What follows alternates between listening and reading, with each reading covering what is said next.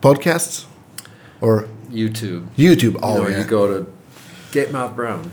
Yeah. And that leads to this and that. And the other. yeah, yeah, An hour later, you go, God, I could have been reading. yeah. I know. I, I just said to my sister on the phone in the car on the way here. I I watch YouTube more than TV actually nowadays. It's Yeah. like No, I don't even have. We don't have a TV at home, so that's. That's yeah, yeah, yeah.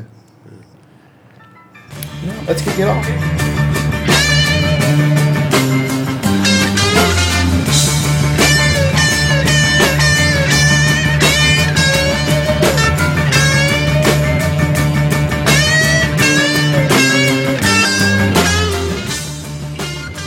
Okay, okay.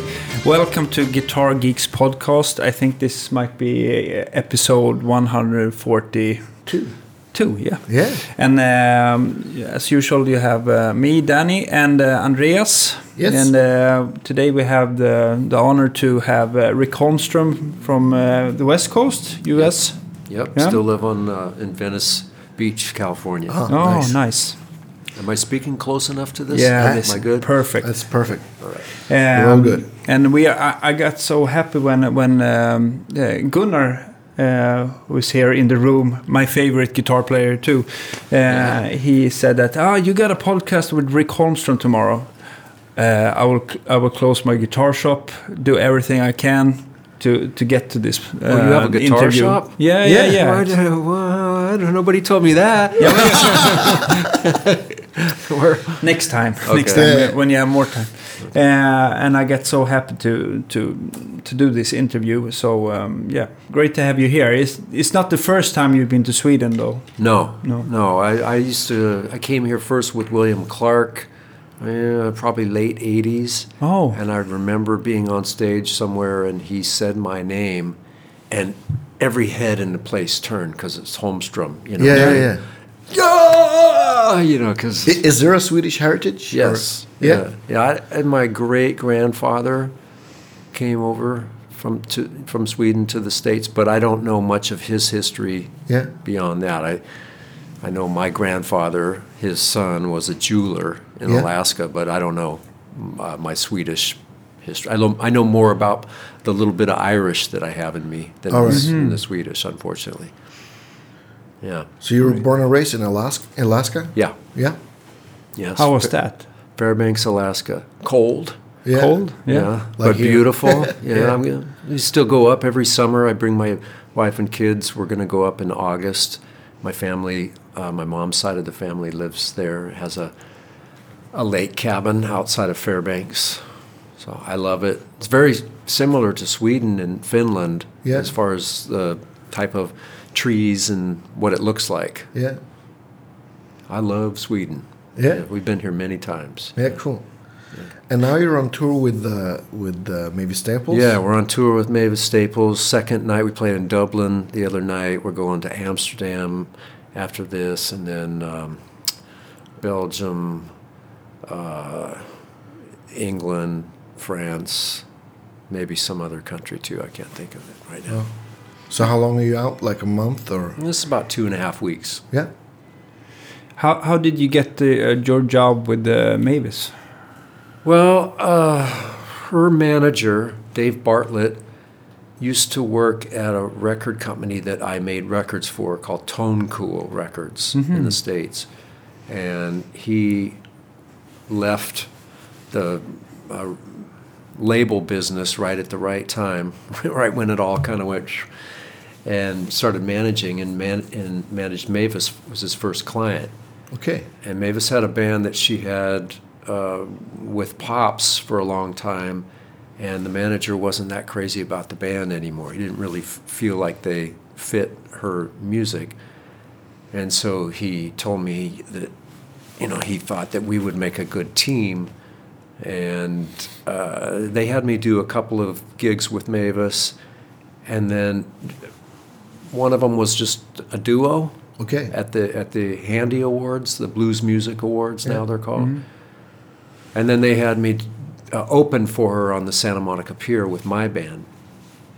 And this it's a crazy story, but um, we were doing maybe like a 45 minute opening set, and the promoter kept looking over at me like to keep going after Oh, 45 right. minutes and to keep going. And finally, he, he signaled me to stop, and I came down, and he's her band had f- tried to f- had flown in that day, the day of the gig, Oh, okay. and they got delayed, and so they Ah. were stuck on in, at LAX.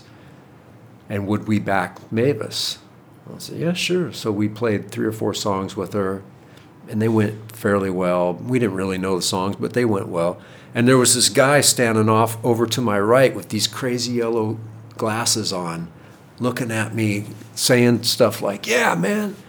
And I get off. When her band showed up, we literally handed them guitar cables and drumsticks, and they just came up and finished on our gear. Yeah. And the guy taps me on the shoulder, and it's Ry Cooder. Oh I get goosebumps. Yeah, yeah. and he was producing a Mavis Staples record, uh, the Freedom record that she made, "We'll Never Turn Back," Mavis's first record on Anti Records. And he dug us. He he liked us better than her regular band at the time, and kept telling her that while Yeah. they were making the record. And so, it wasn't long.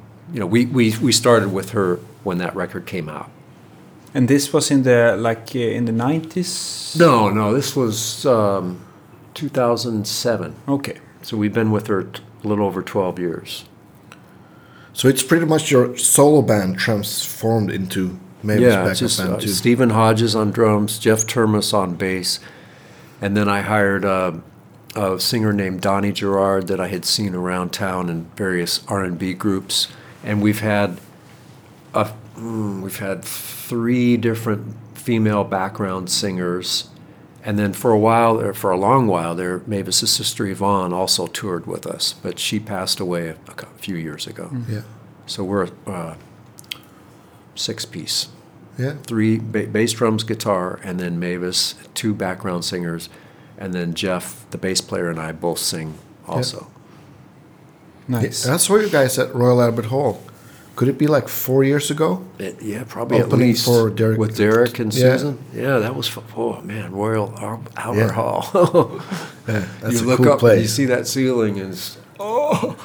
Yeah, Derek sat in with us that night. yeah. And Susan, you played uh, "Will the Circle Be Unbroken"? Yeah, yeah, he tore it up.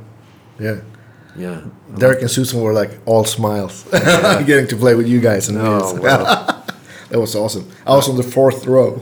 Yeah, really. I just remember he just kept building that solo and building, and then Mavis looked at me to solo after him. I'm like, oh, okay, I will. you know, I got this little clean Telecaster sound, and he's got this huge, you know, Yeah. Yeah, yeah. SG. yeah. yeah. But he's But great. Are you when you're when you what are you traveling with? Uh, what kind of guitars do you use when you're playing with Mavis? Is uh, I just bring a Telecaster. Mhm. Uh, I have an old '53 Blackguard that I've had for about two and a half years that I travel with all the time except for this tour.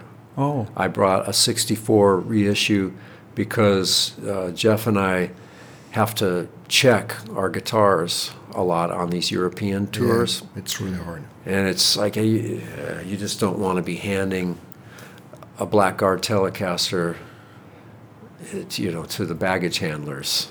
I, I would I, I did it last time we were in Europe, and I was just worried sick the whole time. So Yeah. I brought the reissue this time. Yeah, it's gotten really strict, so it's hard. Yeah. Yeah. I mean, we we don't have any problem in the states. No, You know, we just carry them on, and here sometimes you can carry them on, and sometimes they they'll make you check them at the gate. Sometimes they'll make you check right, you know, with the luggage. And so if you're if you're you know carrying a gig bag around, it's Yeah. scary. So Jeff and I put both the bass and the, the telly in a rolling uh, SKB case yeah. you know, two two gig bags. We just stuff it in this thing, and it's and you- it's got wheels at one end, and Yeah, I don't even perfect. worry about it. yeah. Well, do you bring like a pedal board too? No, I hate pedals. I Just like hate you, pedals. Andreas. Yeah. But I bring. Uh, I have three on, on this tour with me, and I tape them to the top of my amp. Okay. because I trip on pedals. I hate pedals. Yeah. But I have a pedal called the Drop, uh, which I use. I used to carry around two tellies. One was tuned down a whole step for Freedom Highway and a few other songs. And we, I used to play that like half the night. And now it's gotten to the point where it, it might use it once a night, maybe twice. Yeah. It's for all the stuff that's like in D or it's in F, but I want to play in G, or you know, it's in it's in G, but I want to play in A. You know, Yeah. it has a different type of sound. So I bring this pedal to drop, and I just hit it for those songs, and it drops the guitar down a whole step. Yeah. And then out of that, I go into a MXR reverb because I don't trust the reverb in the amps, the rental amps. And then I have this uh, thing called a Icarus that's a boost by a company called Caroline. Somebody turned me onto it at a session. My amp was like in three other rooms away and it had all these cables and the signal wasn't that strong so they said you know try this thing and it does something. It's it's it hits the amp harder but it also has this sweetness that i really like that it almost sounds like i'm running through a tube unit even though i'm not. Yeah. uh, and I brought an overdrive on this, but I, uh, but only for the times when I have Fender amps, like reissue deluxe reverbs, which are the worst amp in the on the planet. Yeah. I, I think Gunnar totally agrees on that. Yeah. I hate those. I see those amps and I want to throw up. I want to puke. and it's not But, the amp. it, uh, but I mean, compared to, a, do, you, do you prefer like a twin reverb or a super reverb over I that? would or- prefer a Super or a Vibrolux, the ones with the inefficient speakers. Yeah. I don't like those. Those I think they're called a, a Jensen C12K. Yeah, yeah, yeah. I know what you mean. It's they, the- they are the heavy magnet and Yeah. super strong. Oh, and it just has this mid-range frequency that you can't get away from. No. It makes the amp incredibly loud. The singers, like our background singers, when they see the Fender amp, the deluxe, they just oh. It's one of those nights. Yeah. so I mean, I'm a I love old Tweed amps. I have that's when I'm at home. That's what I use. But I prefer Vox. AC, my favorite is the Vox AC15 reissue. Mm-hmm. Great tremolo, so-so reverb. I don't use the reverb in the amp. Okay. Or a Vox AC30 reissue because they have great tremolo. They have master volume that works. And then I have a reverb pedal, the MXR, which takes. I just need a little bit because we're a trio, you know. So Yeah. it just we don't play very loud, so I just need it to to go psh a little bit. Yeah. But you know, I, I, I apologize to the listeners who are hoping, hope, hoping, hoping to hear about about some guitar pedals uh, on a whole rack of guitar or what do you call those things? Pedal boards. Pedal Yeah, boards. yeah. I don't have one. Oh. Yeah. Andreas will cry a little, but Yeah, that's all right. it's okay. Yeah. we can handle that. the hands, it's okay. Yeah, yeah, yeah. I do use the tremolo reverb foot switch. Yeah. I have one of those. Yeah. I like that. Yeah. But it's taped down and it's just up by my mic stands because I turn the tremolo off and on a lot with Mavis. Do you ever change the speed of the tremolo, or do you set it like? No, I change it all the time. All right. Like for uh, almost every song. All right. It's just. I- I've s- I- some guys can just keep it kind of on that fast speed, and it works. And I hear him, and I go, God, how does he do that? But if it's not in time somehow, it, it bugs me, and, it, and I swear, sometimes I think it throws our drummer off a little bit. If the time is, if if I'm going, if I'm playing doom doom doom doom doom doom, and the tremolo's going tick tick tick tick tick tick tick tick, tick, Yeah. you know, Do you like put small tapes, or how do you? No, Or do I you just do it because by we feel? because we have rental amps. It's just every night. It's just by feel. Yeah. And s- she might be talking in between songs, and I'll go and just lightly hit a note. You know, I'll get. Yeah. You know, get it right or Yeah. try to. Sometimes it's not right. But is the the MXR uh, reverb is that the best you found? Because I guess you try to find like a spring kind of reverb. Yeah, because I mean, I really grew up playing the outboard Fender reverb units. Yeah, yeah, yeah. And when I get a chance to bring my own stuff, I use one. I still have my old tank that I got in the late 80s. Is it like a reissue? uh, No, it's an old one. Okay. It's a 63, I guess. Yeah. And when I got it, it was someone had recovered it in a really horrible, wrong Tolex. Tolex, and I, I had a I had a friend covered in tweed because I was using a tweed basement. Oh, cool. and now it looks like it's from the 50s. It's it's been in, in and out of so many bars and stuff. Yeah. So when I'm at home, I use that with a thing called a SIB echo unit. It's a big, big thing like this, and I, uh, you know, it looks like a brick.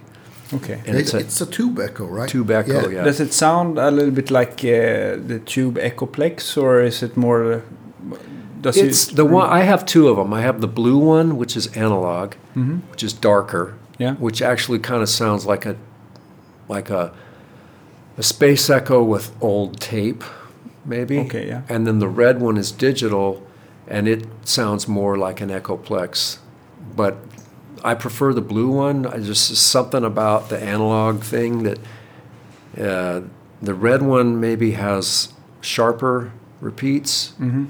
but the blue one has a better feel.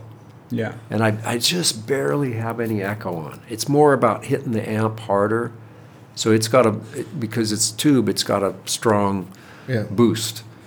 And then that goes into a, I have two Tweed amps. Uh, they're, one of them is a, a Tweed Deluxe Repro, an old Tweed Deluxe Repro.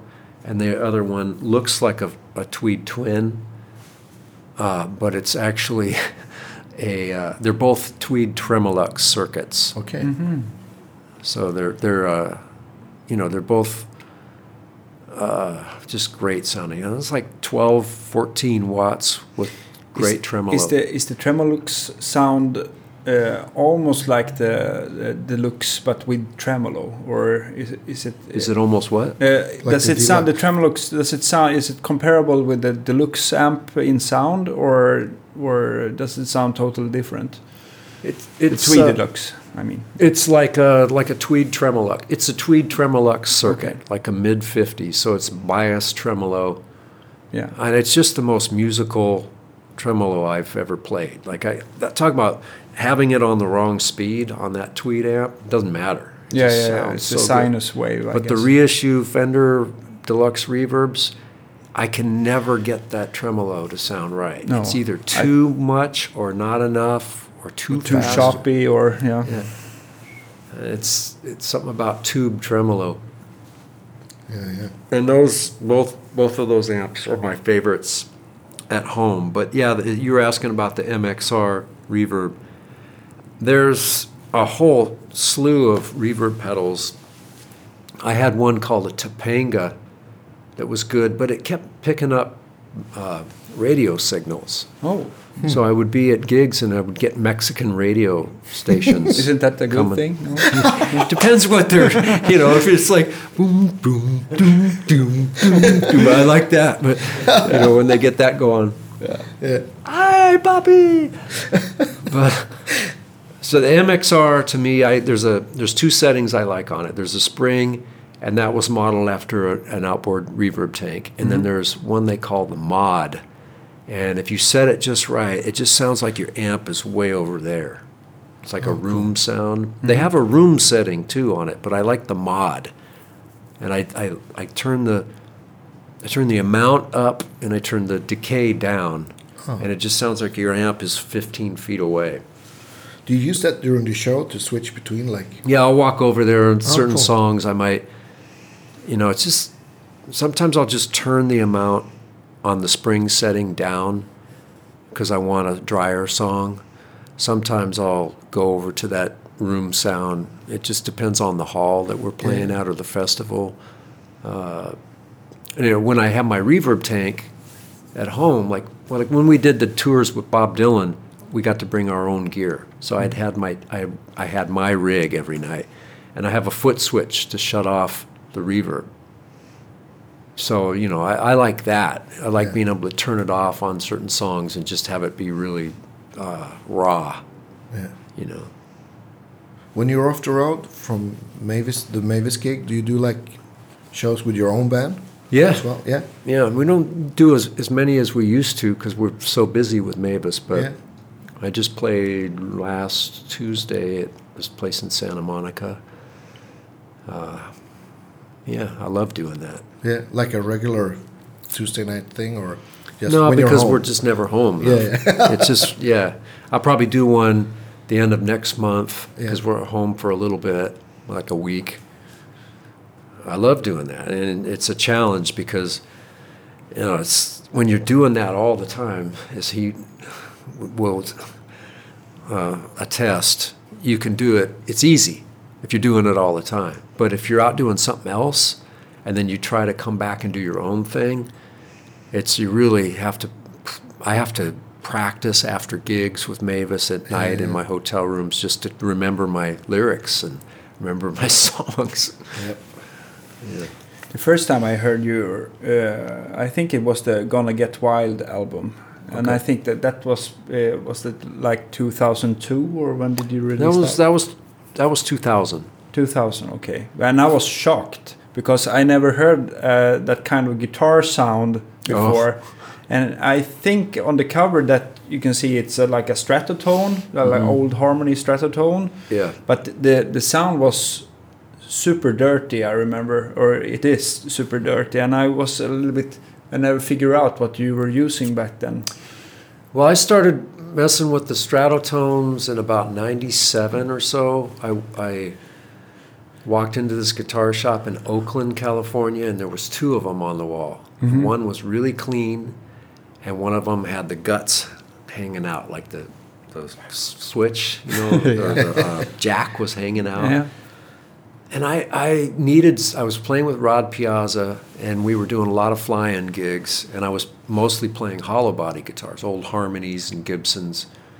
But I, it was hard to fly with those. So i kept thinking i, I almost bought a, a, a les paul special. Yeah. oh man i, I had oh it was one of those deals it was like a 55 or 57 beat to hell big fat neck lightweight. I saw it at a guitar shop our guitar yeah guitar uh, show. And i offered guy a certain amount of money and then i was ready to pounce on it a couple hours later and it was gone. It was, anyway so- yeah it was gone. So i kept thinking i got to find a little guitar that and I, I played both of those stratotones and didn't buy them uh, and came back maybe three or four months later and the beat up one was still there. And so i, I picked it up. I thought it's $260 they wanted 275 i got it for 260 and I, I remember taping the guts back to the body and thinking, oh, I'm going to have to replace the pickup. I'm going to have to do all this stuff. And I just played the first note, and Piazza and the drummer both looked over like, what? It's the best sounding guitar. And They are. they're just killer sounding guitars. So I, I, I use that a lot. But on Gonna Get Wild, there was hollow bodies also. There was um, a couple, there was a Telecaster on one or two songs. Uh, I'd say probably half the record was the Stratotone. Like And, and the sound you, I guess you plugged into a really dirty amp because it sounds, or not a pedal or anything. no it's- pedals. No, it was uh, most of that record was a little Bronson amp that's made by Valco. Okay. It's 110. It's a field coil speaker with the That you didn't treat that nice. No, I didn't. It was about turned up about halfway. Yeah. Yeah. And you know, it's all you need to do with that, and it has octal preamp tubes, so it's Okay. just got that old like '40s, early '50s sound. And I also had a a TV front TV front Fender Pro that I used on oh. like the tracks with Junior Watson was I was playing through that, and Watson was playing through my Bronson live in the room with the drums.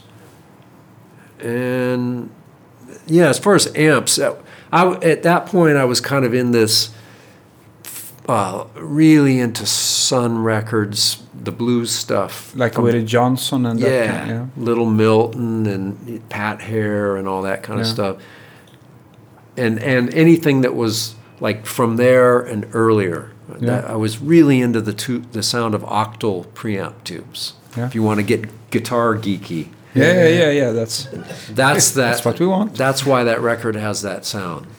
it Is sounds fantastic. Thank you. Yeah.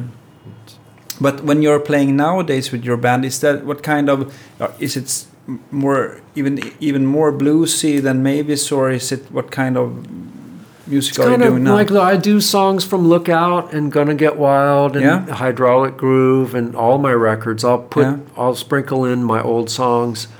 Um, we play stuff. We play a few Staples songs. Yeah. We play stuff from the newer records, and I have a whole bunch of new material that I haven't Oh, recorded cool. yet. oh, I'm looking forward to hear So that. we've been playing that stuff for a while because I'm either so busy or I've been, you know, my my wife and I re, re uh, remodeled our house in the last couple of years. So I, all my money's been going into my house. Yeah, yeah. So and we're so busy with Mavis. So I'm hoping this summer or fall to start recording the new record. And I've got a ton of songs.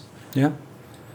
I might actually do two because last time around I put out two records at the same time. I had an all instrumental covers record and an all vocal originals record, and they mm-hmm. were in the same uh, release. Okay. So we'll see. I don't know. Looking forward to that. Oh, yeah. Thanks. Yeah, I just got to get make some money. Actually, Yeah, I, yeah, think, I think I think Gunnar and I we, we performed one of your songs back here in Stockholm many years ago Oh, yeah? called Which- "Rub Oh yeah, yeah, yeah it's sure. instrumental song. Trying to, uh, I was trying to do a Lightning Hopkins kind of thing there. Yeah, Yeah. fantastic. Yeah. Well, thank you. Yeah, so, uh, have you recorded like a new album with Mavis? Yeah, we have Yeah. a new one that just came out Yeah. uh, not even a month ago. It's Yeah. called We Get By, Yeah. and it's uh, Ben Harper produced it. Yeah. It's all us. Yeah, he's on the new on the single too. I He's on think. the he's he's on one of Or the a ballad. Yeah, it's the title track. We Get By. He's singing with Mavis. Yeah. And I'm really proud of that record. I think it's the best thing we've done with Mavis. Uh, the first Jeff Tweedy record that we made with her was great, um, but I think this one's my favorite of all of them. Cool. Where, where did you record?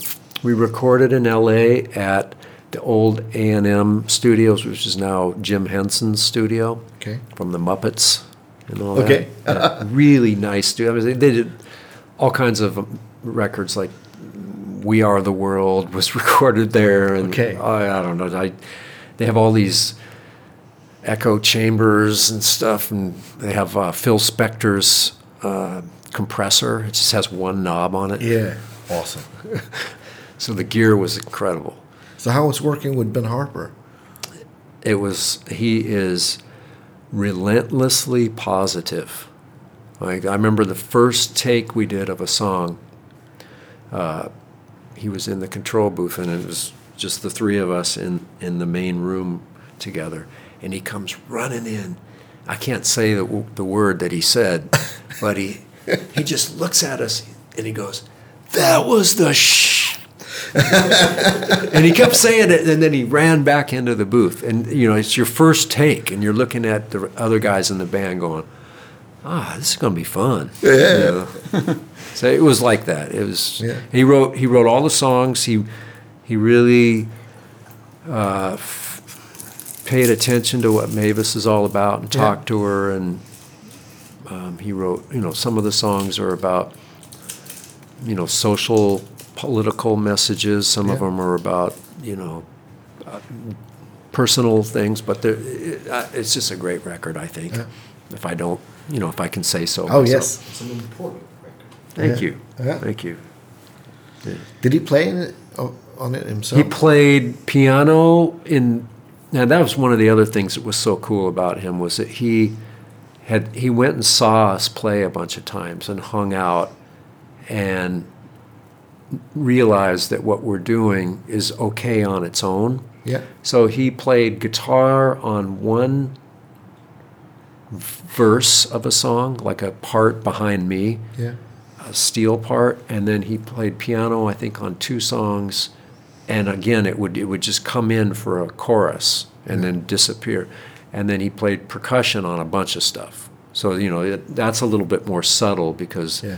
you know all of a sudden you're hearing like a, a tambourine on the backbeat or a shaker, and then it drops out. So his, I as a producer, right, he's top rate to me. Yeah, yeah. Really, and he, you know, he's. I remember walking in, and there's a Dumble sitting there. Yeah, you yeah. know, like that's the first time I've ever seen one of those amps in person. Did you try it? No, because I, you know, I said to him, I was just getting to know him. I said, dude, I'd never seen one of those. Oh man, we'll fire it up later. We'll, we'll get it going. You know, you try it out.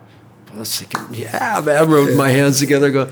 And the deluxe sounded so good. The Tweed Deluxe sounded so good that he just would never even plugged it in. Yeah. So, and he, when he played guitar, he played a Princeton reverb for that one, one part. So, unfortunately, no, I didn't get to play it. No. No. Next time. Yeah. Yeah. Yeah.